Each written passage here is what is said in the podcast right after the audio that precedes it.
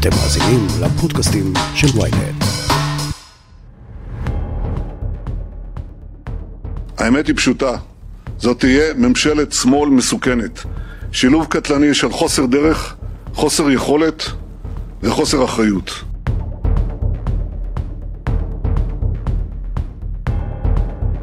נפתלי בנט, איילת שקד וחברי הכנסת של ימינה, אל תעבדו על הציבור. אל תפרו את כל ההתחייבויות שלכם. רק בגלל האמביציה האישית של בנט להיות ראש ממשלה... זה לא הזמן להספדים פוליטיים. בטח לא להספדים פוליטיים של בנימין נתניהו. בטח שלא עכשיו.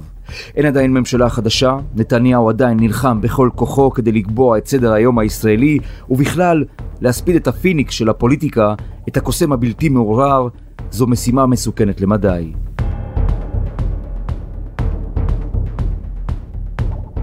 ולמרות זאת, דבר אחד כבר ברור, נתניהו איבד שליטה. המושכות נשמטו לו, הבריתות התפוררו לו. זה לא אותו נתניהו, זה לא אותו ביבי. הכותרת הפעם על איבוד השליטה של בנימין נתניהו. מורן אזולאי מצטרפת אלינו מיד.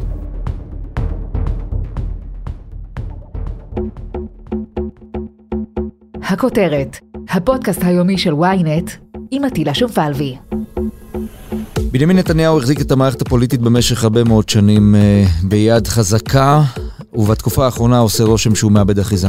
מורן אזולאי, איך זה קרה לו? האמת שזה כנראה שורת החלטות אה, לא נכונות שהוא עשה. הייתי אומרת אפילו התנהלות שגויה שהוא אה, אה, עשה. אה, ובקורה, שים לב, בבעיה שאני חוזרת עליה כל הזמן, בעיה של מערכות יחסים. אה, מערכות יחסים עכורות עם אביגדור ליברמן, מי שהיה האיש שתמיד השלים בקלות את ה-61 ואפשר לו גוש יציב, הוא היה הראשון אה, לנטוש. מערכות יחסים עכורות עם גדעון סער, האיש שלמרות שהיו לו שאיפות הנהגה, ישב והתאפק במשך הרבה מאוד זמן, למרות היחס המשפיל שהוא קיבל. מערכות יחסים יחסים, אני מדברת על נפתלי בנט ואיילת שקד, חלק אינטגרלי מגוש הימין, האנשים שתמיד הלכו אחרי נתניהו, לא משנה כמה בוץ הם ספגו ממנו, ואפילו זאב אלקין, האיש שישב, יש לו אולי הכי הרבה שעות בלפור מבין כל האנשים שאנחנו uh, מכירים פה בסביבה, uh, וגם האיש הזה בסופו של דבר uh, מתהפך, והכל, הכל, הכל עניין של מערכות יחסים שהתפוצצו לנתניהו uh, בפרצוף עם uh, משבר פוליטי שהוא כרגע כרגע לא יודע איך לצאת ממנו. מועד החילופים בין ראש הממשלה לראש הממשלה החלופי הוא י"ג בכסלו תשפ"ב. אני טוען שהפיצוץ הגדול של נתניהו מול האנשים שהוא עובד איתם, אנשים, אותם אנשים שאת מזכירה כאן, הפיצוץ הגדול קרה כשאנשים הבינו שאפילו הסכם קואליציוני, כמו שהוא חתם עם בני גנץ, עם רוטציה ושינוי חוק יסוד ופריטטיות ומתחת לאלונקה ומשבר לאומי ואין תקציב. אז אנשים הבינו, תשמע, אין לי מי לדבר, האיש הזה בסוף לא רואה אף אחד ממטר, שום דבר הוא לא רואה, ואם הוא רימה את גנץ בהסכם הזה, אז הוא ירמה כל אחד. זה נכון, אבל שים לב שמצד אחד, אה, בסדר, תחמנות פוליטית זה דבר שאנחנו מכירים במחוזותינו, אה, נתניהו באמת שכלל את זה לאומנות, לדרגת אומנות, אבל זה דבר שאנחנו אה, מכירים. יש איזשהו עניין אחר שעליו אני דווקא מסתכלת ואומרת, כל אחד מהשחקנים שאותם הזכרתי, ונתניהו יצר איתם מערכת יחסים עכורה באומנות גדולה, הוא שחקן שיכול היה להציל אותו היום מהמצב הזה. אביגדור ליברמן יכול היה לתת לו את ה-61.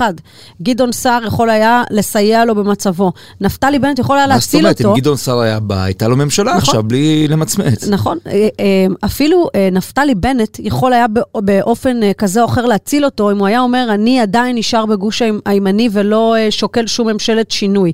כלומר, כל אחד מהאנשים האלה שאני מזכירה ולאורך הדרך נטש את נתניהו בגלל יחס לא טוב, בגלל שנתניהו בעצם לא ידע לכבד אותו, לא ידע לתחזק. לתחזק איתו את מערכת היחסים והשפיל אותו, כל אחד מאלה יכול להציל אותו. אבל הם פשוט בוחרים שלא לעשות את זה. הם בוחרים שלא לעשות את זה כי הם לא מאמינים לו. אני טוען, את מדברת על היחסים האחורים, ואני אומר לך, זה עניין של אמון.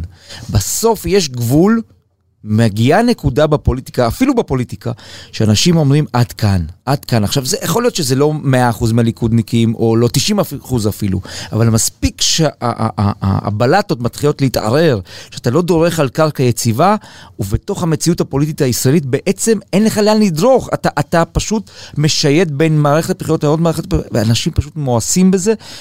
ו, וזה הולך אחורה כמה שנים נגיד, מתי זה התחיל להתערער? מתי נתניהו איבד את זה במובן הזה שהוא כבר התחיל להשתולל יותר מדי. לדעתי, אה, הסיפור שבעצם אה, החמיר את מצבו יותר מהכל, זה היה באמת האירוע עם אביגדור ליברמן, אותו, אותה החלטה שקיבל ליברמן אחרי מערכת הבחירות הראשונה, שהוא עם נתניהו סיים, אה, וזה בעצם הגלגל שהביא את הכל. ליברמן הוא לא פראייר, הוא שחקן פוליטי מנוסה, הוא שחקן פוליטי ותיק. היה ברור שמרגע שהוא יגלגל את הכדור הזה החוצה, יצא החוצה מגוש נתניהו, דברים שם יתחילו לקרות, דברים יתחילו לזוז, וזה באמת היה הרגע שמבחינתי סימן את, ה, את, ה, את נקודת המפנה. ראש הממשלה מתעסק בשני דברים, אחד להציל את עורו, ודבר שני, השסע, לשסע אחד בשני. וכמובן, הכל כדי להימלט מהמשפט, הכל משועבד לנושא אחד. איך הוא שורד אישית, פוליטית. מה עשה נתניהו במקום לא לאסוף את כולם אליו, לצופף את, השור, את השורות, דווקא בעת משבר שבה, שבה ליברמן בעצם עוזב אותו אה, ואין לו אה, דרך להקים אה, ממשלה באופן הרגיל שהוא מכיר את שיטת הגושים, השיטה שהוא המציא יחד עם האסטרטג בזמנו ישראל בכר, הם המציאו הרי את השיטה הזו, והשיטה הזו התערערה בחסות אותו משבר עם ליברמן, ונתניהו במקום לאסוף את הכל אליו, הוא פשוט התפזר, פיזר את זה לכל עבר. ואתה יודע מה, אני הולכת עם זה אפילו צעד אחד קדימה, זה לא רק שאף אחד מהם לא יכול אה, היום לעזור לו ולא רוצה לעזור לו אה, להקים ממשלה. שים לב עם מי נתניהו משייט במרחב הפרלמנטרי והפוליטי. מיקי זוהר. די לבד. דודי אמסלם. די לבד. אפילו זו... ביטן. נכון. ביטן הגדול נדחק הצידה. למה?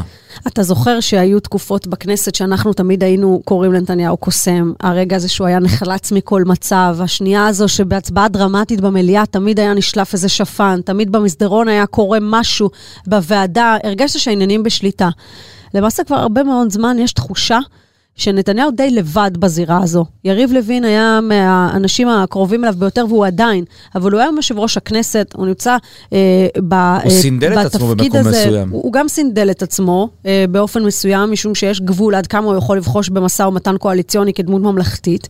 אה, ומצד שני, הוא גם נשאר לבד. הימים הזוהרים שבהם אה, החברים הכי טובים, יריב לוין וזאב אלקין, מסדרים את הקואליציה, מקימים פה ממשלות, אה, מוציאים לפועל כל מיני תרגילים מתוחכמים שלוקח... לוקח לנו שבוע להבין אה, רק את המטרה של התרגיל, מה התוצאה בסוף, הימים האלה נגמרו.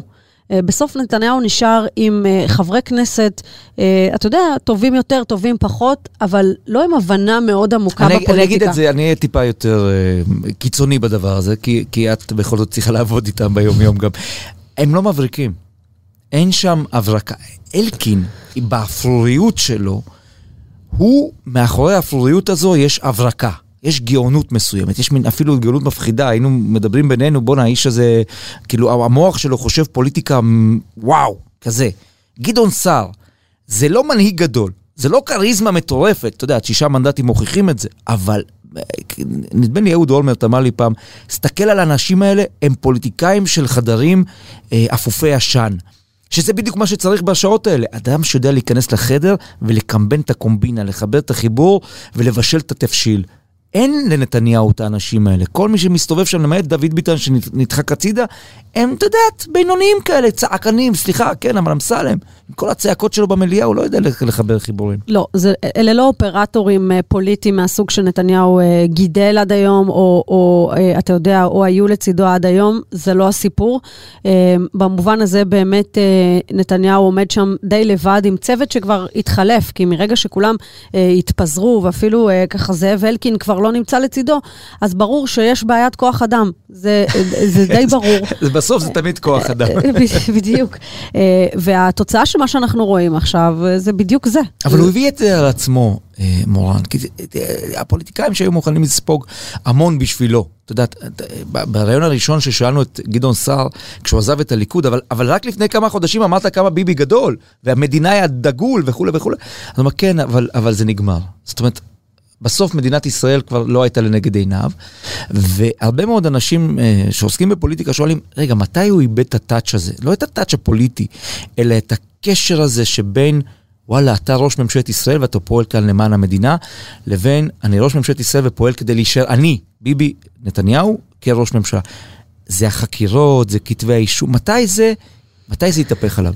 אני דווקא אה, פחות אה, נותנת משקל לעניין הזה, אם כי הוא חשוב מאין כמותו, ב, אתה יודע, בהיבט הציבורי, אני דווקא אה, רוצה רגע להתעכב על מתי הוא איבד את האינסטינקט הפוליטי שלו, אה, את ה... אתה יודע, תמיד אה, אנחנו כל הזמן היללנו ושיבחנו אותו על היכולת שלו להפריד, על היכולת שכשהאינטרס שלו אה, ניצב מול העיניים, הוא לא בוחל, הוא יעשה הכל כדי להגשים את האינטרס, אם זה מישהו שהוא מתעב, אם זה מישהו שעכשיו אה, אמר עליו דברים איומים, ראינו את זה בבחירת יועצים, ראינו את זה בדברים אחרים. אם יש לו עכשיו אינטרס, הוא מגשים אותו, וזה לפני הכל. מאז אה, הנטישה של ליברמן, קרה שם משהו. זאת אומרת, גם האנשים הכי קרובים, גם אנשים בליכוד... את מייחסת לליברמן המון משקל, זה, אני שם לב, זה, זה מוטיב חוזר אצלך, כי את אומרת, ליברמן, בשנייה שהוא זז... קו פרשת המים, מאז אין ממשלה. אין ממשלה, אבל גם, את אומרת, משהו התפרק אצל נתניהו באופן אישי. נכון. התחושה שהוא שולט בכולם התפרקה. שים לב לשרשרת, ה... שים לב לשרשרת האירועים מאז. אתה יודע, נתניהו ב... בימיו הגדולים ובהתנהלות הפוליטית שאמורה הייתה להיות מובנת לו, היה צריך דבר ראשון לאסוף אליו את כל האיומים המיידיים, גדעון סער, נפתלי בנט ואיילת שקד, ואם הוא חפץ שלטון, קודם כל לקרב אותם ולוודא שהם איתו. במקום זה, הוא פשוט אה, אה, הלך והרחיק אותם, אה, הגדיל את הפערים ביניהם, השפיל אותם, גם במערכות בחירות וגם אחרי, והביא את עצמו לתוצאה הזו. עכשיו, אם אתה שואל אותי, האם נתניהו שלפני שלוש, ארבע וחמש שנים היה עושה דבר כזה ומגיע היום למצב שבו הוא מבודד פוליטית? התשובה היא לא. שים לב מי אה, אה, נמצא סביבו כרגע. הוא נשאר עם סמוטריץ', זרם חרד"לי, אה, ציונות דתית, אה, שאגב, סמוטריץ' אין לו שום דבר פרסונלי עם נתניהו, הוא לא מעריץ את נתניהו, הדבר היחיד שיש לסמוטריץ' עם נתניהו זה הקשר בין הציבור של הציונות הדתית לבין הקשר של הליכודניקים. זאת אומרת, זה ציבור עם ציבור, שגם בנט אה, כמו אחרים, אה, שגם סמוטריץ' כמו אחרים, מסרב לנתק את הקשר הזה. זה לא עניין שיש לו עם נתניהו, ראינו שהוא לא הולך אחריו בכל מחיר, יכל לתת לו שלטון, הוא לא נותן לו שלטון. אה, ולכן הוא נשאר עם סמוטריץ', הוא נשאר עם החרדים, ובסופו של דבר זה הסיפור שלו. זאת אומרת, זה לא רק שבליכוד...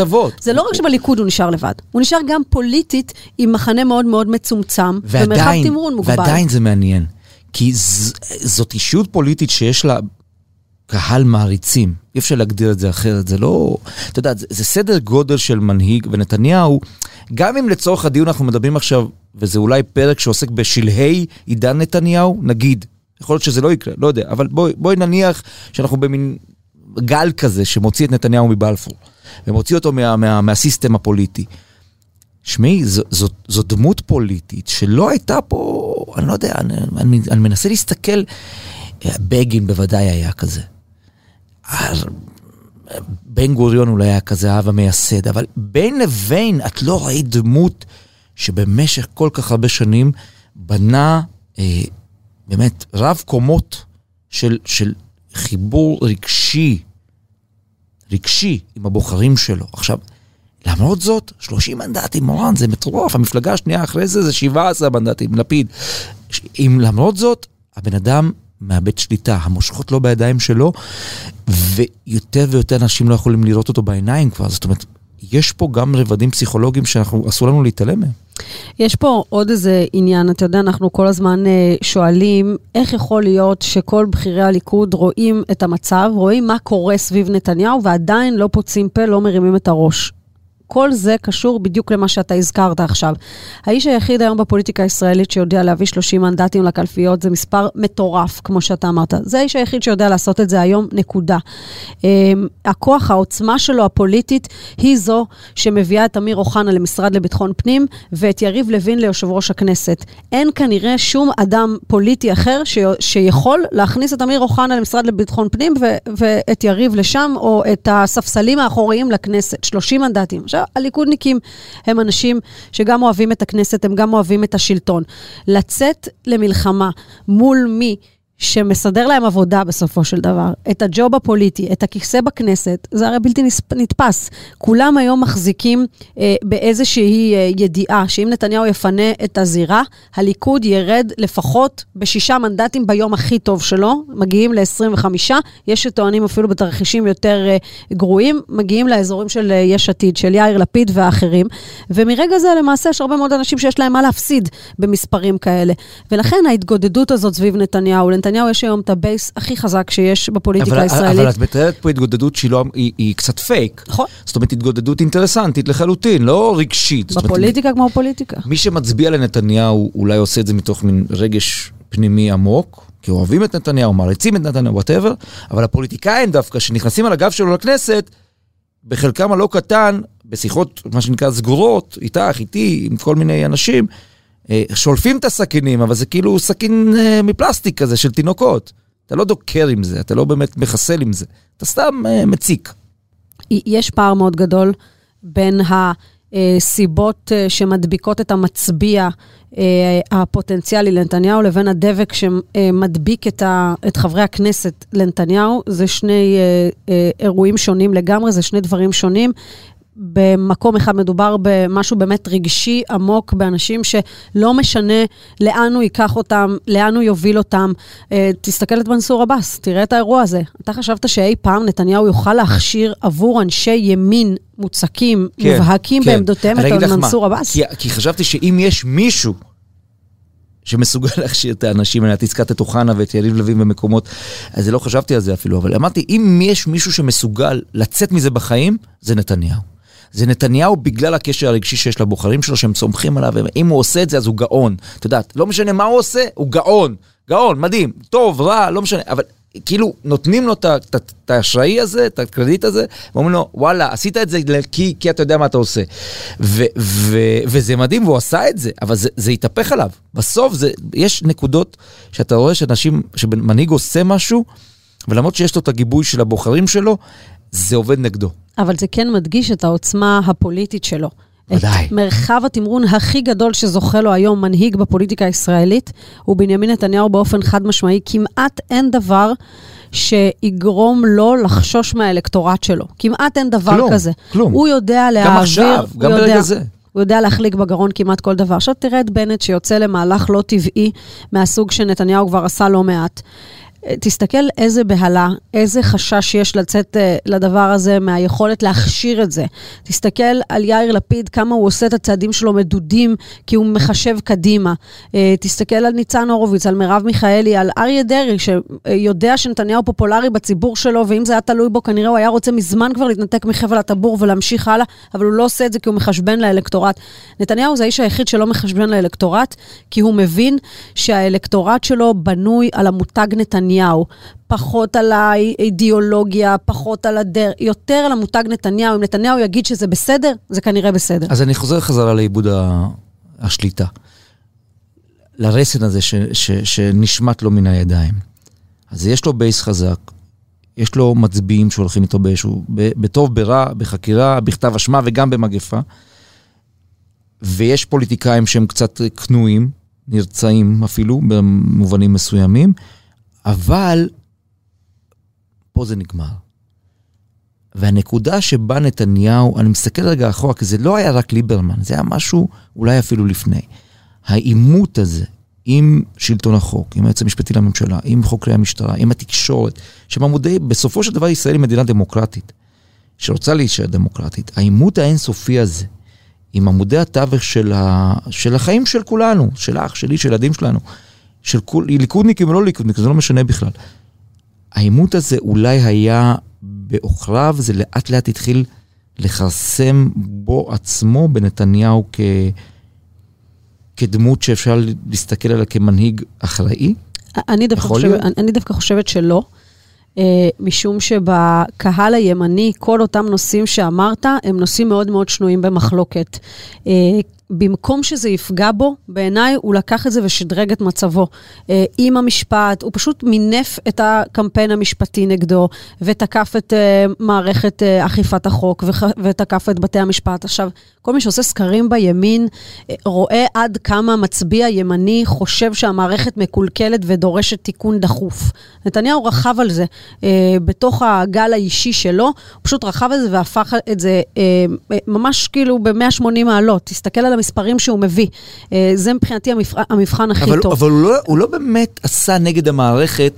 ואת סיקרת את הכנסת מקרוב הרבה שנים, הוא לא הלך לחקיקות נגד אה, בית המשפט העליון. הוא גם בלם חקיקות. הוא אפילו בלם, כן. הוא... אז, אז זה, יש, יש דיסוננס כזה גדול בין, בין הנרטיב לבין המעשה החקיקתי. אבל אם אנחנו מדברים על אובדן השליטה, בעיניי דווקא ההתפרעות הזאת אה, שהחלה עם, ה, אה, עם ההתבטאויות הקשות נגד אכיפת, מערכת אכיפת החוק ונגד אה, שלטון החוק בכלל, זה לא דבר שהחליש אותו, בעיניי זה דווקא דבר שחיזק אותו, זה גם חיזק את המחנה.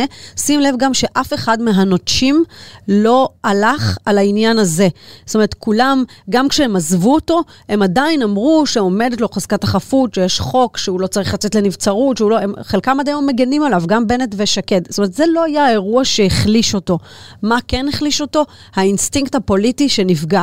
היכולת הזו שהייתה לו פעם לאסוף את כולם ברגעים הקריטיים אליו, והיא היום לא קיימת, זה מה שבעצם הרס את הפירמידה הזו, זה מה שהקריס את מגדל הקלפים הזה אה, לרצפה.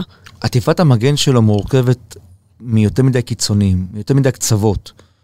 דרעי וליצמן וגפני, זה אנשים שבשנה האחרונה בוודאי חטפו המון בגלל, ה... בגלל הקורונה.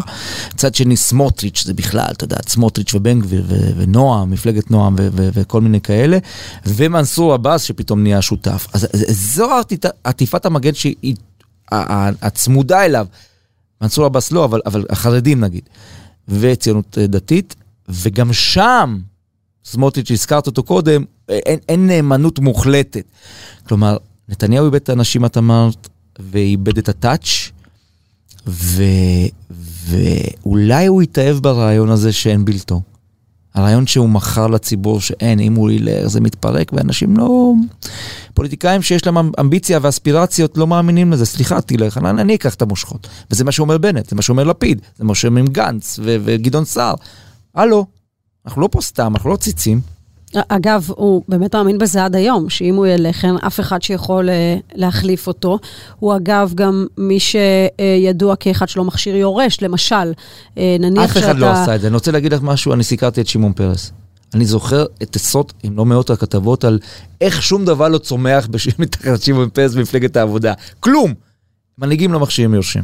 אז אתה יודע מה, נניח שאני מקבלת את העניין הזה שהוא לא חייב אה, להכשיר אה, יורש, אבל עדיין בהתנהלות הפוליטית שלו, אתה היית מצפה ממנו להתנהל אחרת בתוך הדבר תן הזה. תן תחושה, אתה... תן תחושה שיש לאן ללכת. נכון, אבל אה, אתה שואל אותי, אפרופו הקצוות שסביבו נשארו, האם נתניהו לא היה מעדיף להתנהל עד עולם בממשלה נוחה עם בני גנץ או עם אחרים? לדעתי, בסוף היום, כשהוא לבד עם עצמו, הוא מעדיף ממשלה נוחה עם אותם אנשים, מאשר אה, ממשלה שבה שנוא נפשו, אה, נפתלי בנט מקבל מקום של כבוד בקבינט. אבל, אבל זה בדיוק וגם... העניין, זה בדיוק העניין. ופה אני מתחבר פתאום אלייך, עכשיו נפל לי האסימון, העיבוד, הטאץ' הזה.